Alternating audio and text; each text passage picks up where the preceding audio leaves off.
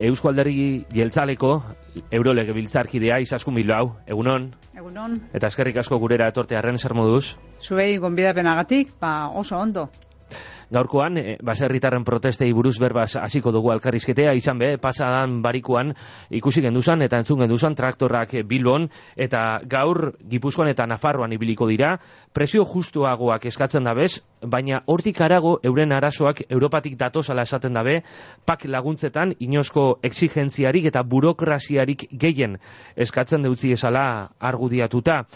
Ene Bizkaia eta enba egon ziran euenean irratzai honetan, alkarrizketa honetan, unzalu salterain eta Carlos Ibarrondoren argudioak entzun genduzan, Europako batzordean edo Europako kontzeiluan egoera honi bueltea emoteko borondaterik edo aukerarik ikusten dozu?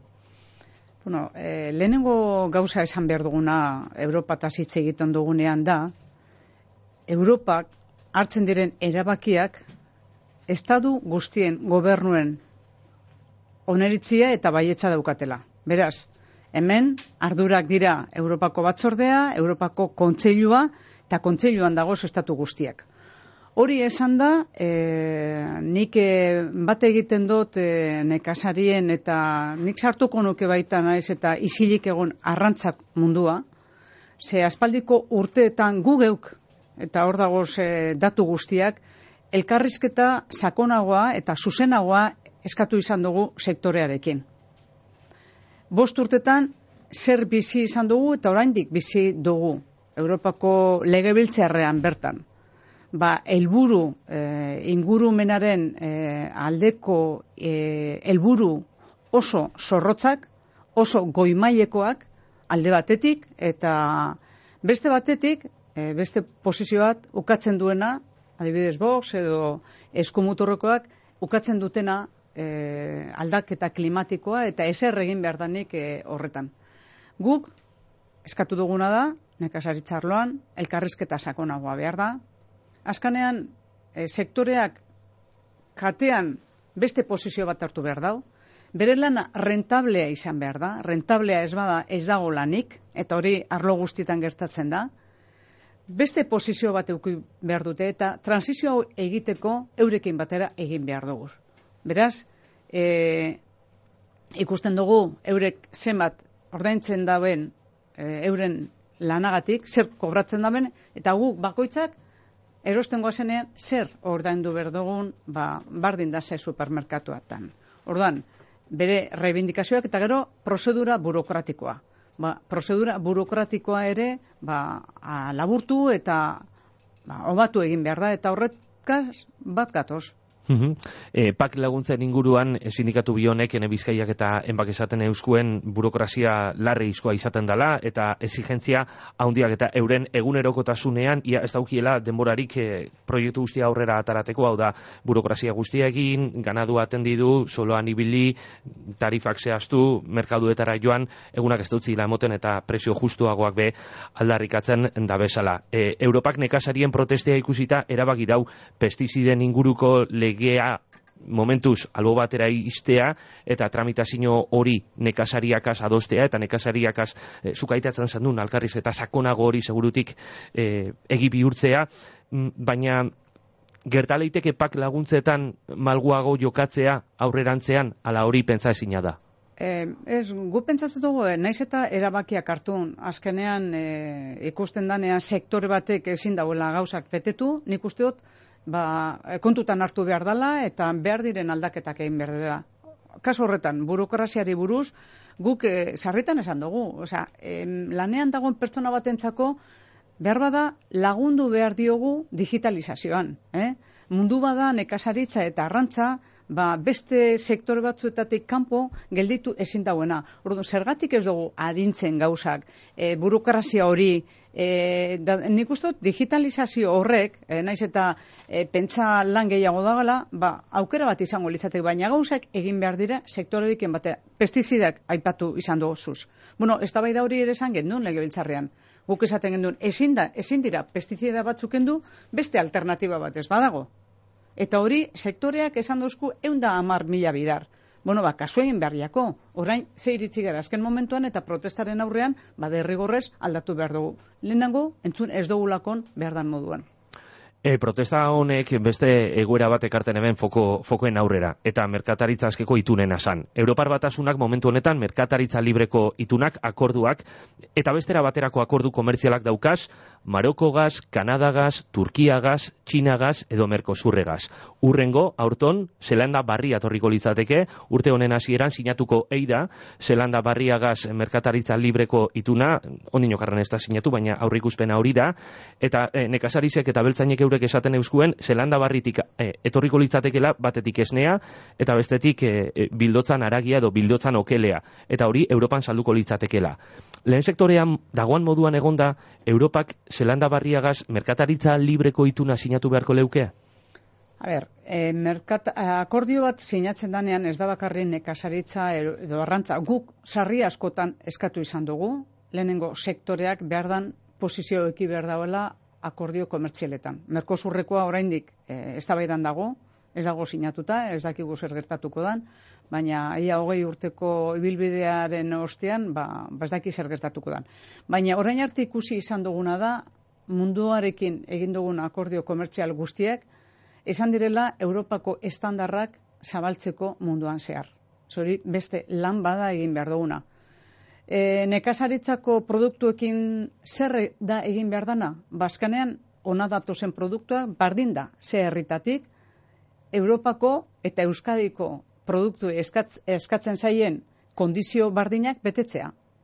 Ze azkenean, kondizio desberdinetan sartzen badira, zu debekatuta badaukazu produkzioa era batera egitea, ba ezin dozu onartu beste batzuk et, e, etortzea, ba beste kondizio batzuekin, hori danpina izango litzateke beste edozein sektoretan. Eta beste gauza bat e, e, kontrolatu berdana da fraudea. Sarri askotan dago zelakon produktuak kanpotik etorrita eta azkenean e, agertzen da etiketa bertako, bertokoak, dinot, ez Euskadin, e, ba, Espainian, edo Frantzian, edo Italian, bardin da, bertan, Europan egindako moduan. Ba, horrekin amaitu egin behar da. Orduan, eskatzen duguna da, kondizio berdinak. Kondizio berdinetan badatoz produktuak, egia da, gugeu, pentsatzen badugu gure buruan, nahiko daukagu, behar dugun beste e, elikadura daukagu, Mm ba... Esan duzu, e, aulako akorduetan, elikaduratik arago, ba, bestelako kontu batzuk sartzen dirala, industrian ba, piesak edo lantegi batzutan erabilten diran beste gailu batzuk, baina lehen sektorea zelan dagoan ikusitze, etan elikadurea apur bat albo batera itxi beharko, olako nazio arteko akorduetan?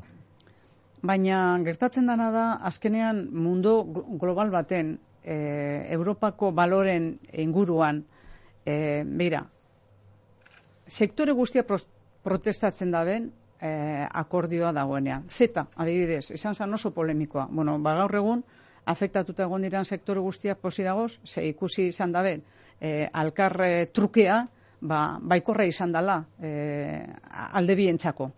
Orduan, egin behar dana da, zain du, impactua ikusi zein dan, e, lagundu, baina elikaduraren eta nekasaritza eta arrantzaren, ez, e, gura dut, aipatu ere arrantza ze arazo bardinak eta daukaguz, e, kontutan izan ezin dugula onartu beste produkzio batzuk kondizio bardinetan e, produzitzen ez direnak.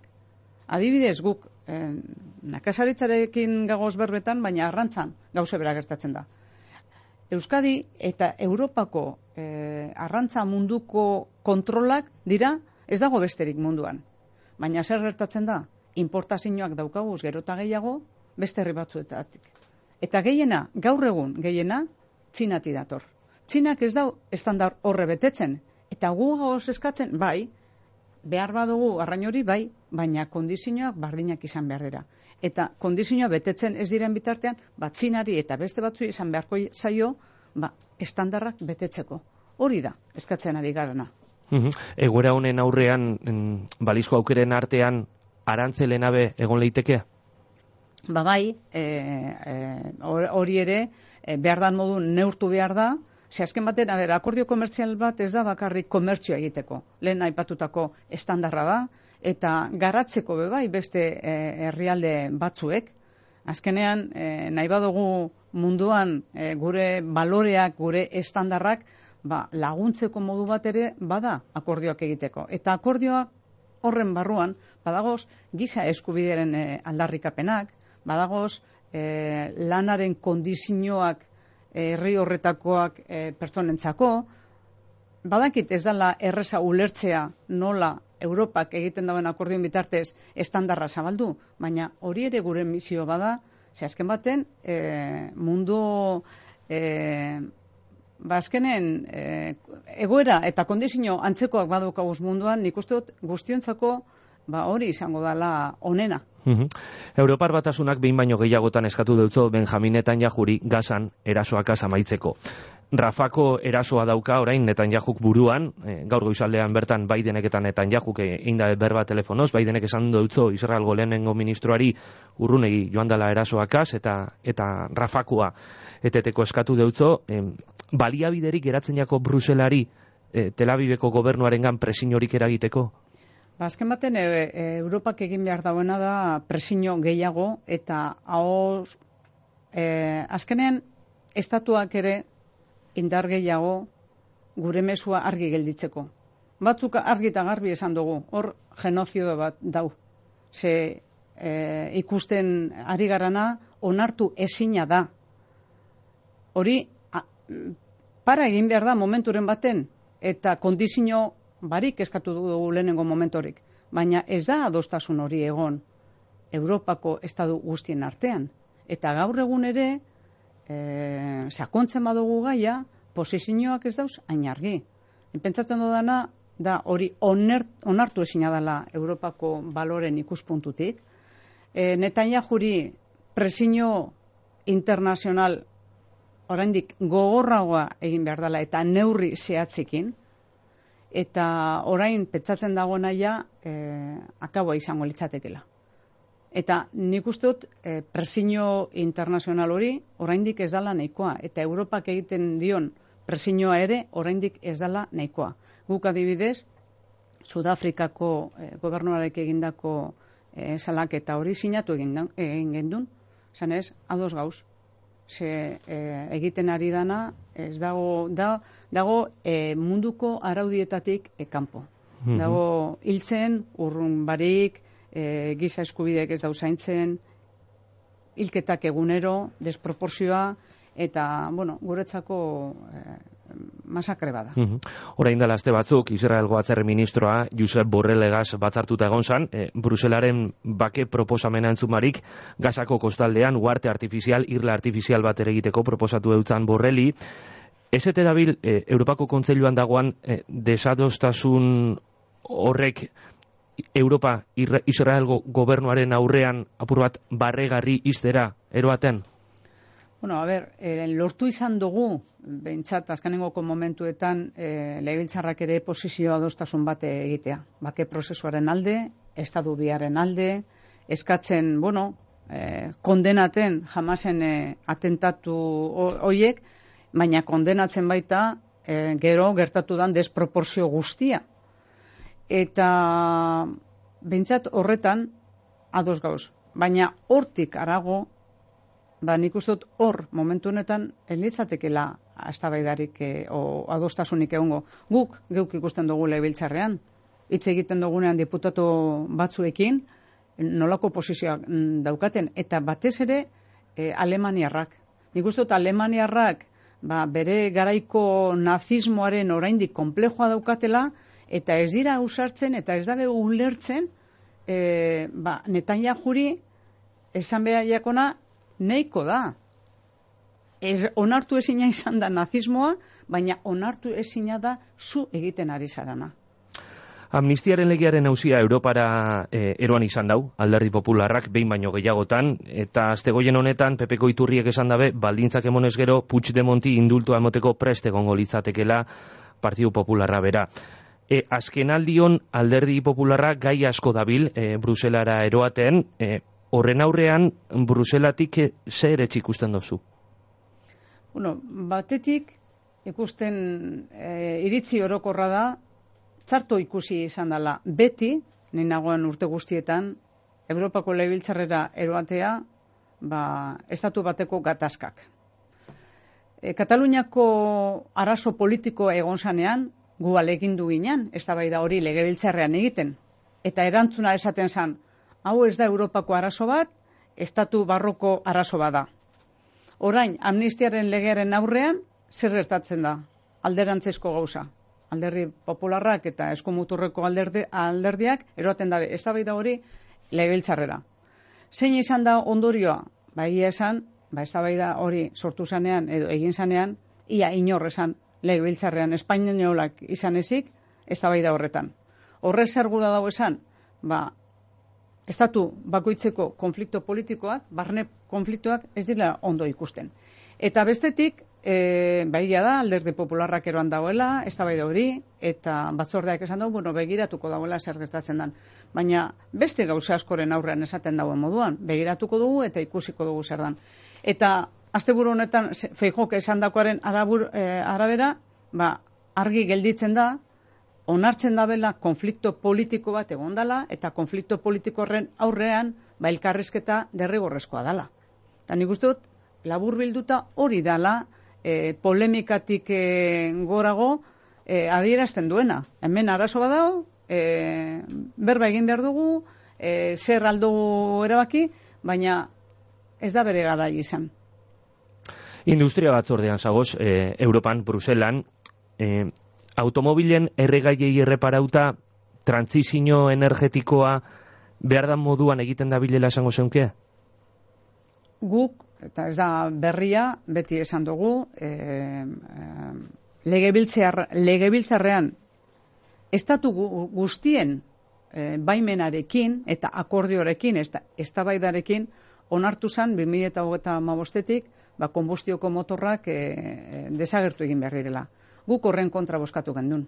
Azken baten, helburuekin guztiok ados gauz, baina transizio hori ordenatuta egin behar da, sektorearekin bat egin behar da, eta sektore guztiak Europa mailan gehienak esaten dozkuena da, bueno, bagabiltz transizio hori egiten, baina hobea izango litzateke Europa neutroa izatea teknologi arloan. Zergatik bakarrik elektrifikazioa? Zergaitik ez beste kombustible sintetikoak. Kombustible batzuk momentu honetan emisioak zerokoak direnak. Eta horrek sortu dau gizartean be inseguridade bat. Mesu desbardinak eta zeintzuk dira ondorioak. Ondorioak dira, baspaldiko urteetan e, e, autoaren parkea sartu egin dela. Izugarri. Genteak orain ez daki zer erosi. Eta elektrifikazioa egiteko ez dago autoniku oso garestia da eta gainera ez daukaguz tokiak rekargak egiteko ere ez eta bateriak ere ez daukaguz Europan. Orduan, guk ez badaukagu hori, dependentzia berri bat sortzen ari gara, beste leko batzuetan ekarri behar dugulakon. Orduan, guk esan duguna da, transizio hori egin behar da, baina beste kombustible sintetiko eta beste mota batzuekin ere, elektrifikazioa izan ezik, alde, guztiok batera joateko helburua lortzeko. Eta hemen, hitz egiten gago zenean, ez da bakarrik industria, ezke horren atzean enplegua dagoz. Ekainean, Europan hauteskundak izango dira, e, bagilaren lauan, buruz nabil, okerrezoan hau, zuzenduko doztazu bestela, e, eta ama bosturteren ostean, e, ez zara, auta gailez aurkeztuko zerrendetara, e, segaitik? Bueno, e, bizitzan etapak dauz, nire etapa Europako lehibiltzarrean e, nik uste amaitu dela, eta, bueno, momento honean e, joatea erabaki dut, eta, bueno, ba, orain beste pertsonatu, katea ez da eten, nire aurretik beste batzuk egon ziren, eta nire atzetik be oian egongo da, oso hautagai ona, eta espero dugu, ba, kateak jarraitzea hainbat urtetan. Ze, ekarpen nagusi, e, emon deutzu, Europan honetan e, urteetan egoteak? Bueno, lehenengo gauza ikustea. Euskadi dela altzor bat. Nik ikusten dodanean hainbat istilu, hainbat konflikto, eta e, batzuk alegintzen direla aspaldiko hileetan ematen Euskadiko irudi ez eskorra, ba, nik ikusten dodana ikusi izan dodana urte guzti hauetan da, Euskadi dela altzorra daukagulakon industria, industria inovatzailea, industria transizioan, daukagu talentoa, daukagu e, koesioa, daukagu programa sozialak, daukagu internazionalizazioa, daukagu formazio profesional bat altzindaria dana momentu honetan Europan eta batzordeak adibide modura ipintzen duena. Daukagu immigrazioaren inguruan proposamenak inok egin ez duenak. Eta gainera, praktika honak momentu honetan kontutan izan direna, joan dan astean, zailburua egon zan, e, metxelen, ba, orako goimaileko e, batzar baten, ikusten nola egiten dugu zan gauzak. Orduan, nik uste dut, mm, gauzerik onena izan dodana da, ikustea, Euskadin, Eztabaidak egin aurretik lebiltzarrean beti aurrera pauso bat eduki dugula. Bardin da zehar lotan. Eta jendeak eduki behar dagoela konfiantza hori, Euskadi benetako altzorra dela nik konparatzeko aukera izan dodalakon. Eta horrek eroan gaitu lan egiten sektore guztieken euren aportazioak Europako legeetan ere agertzeko. Eta gaur egun aldugu esan hainbat ekimen. Nik esango neuke euntik gora, ja Europako legeen barruan sartuta dagoela gure errealitateare hor egoteko. Ba, beratzitarako lau minutu, e, bagilaren laura bitartean ondinokarren makina bat lan egun dekosuz, e, ondo joan daitela. Izasko miloa eskerrik asko gurean egotearen. Mil esker zui eta mil esker beti e, horren beste maitasungatik e, elkarrizketak egiteagatik. Agur.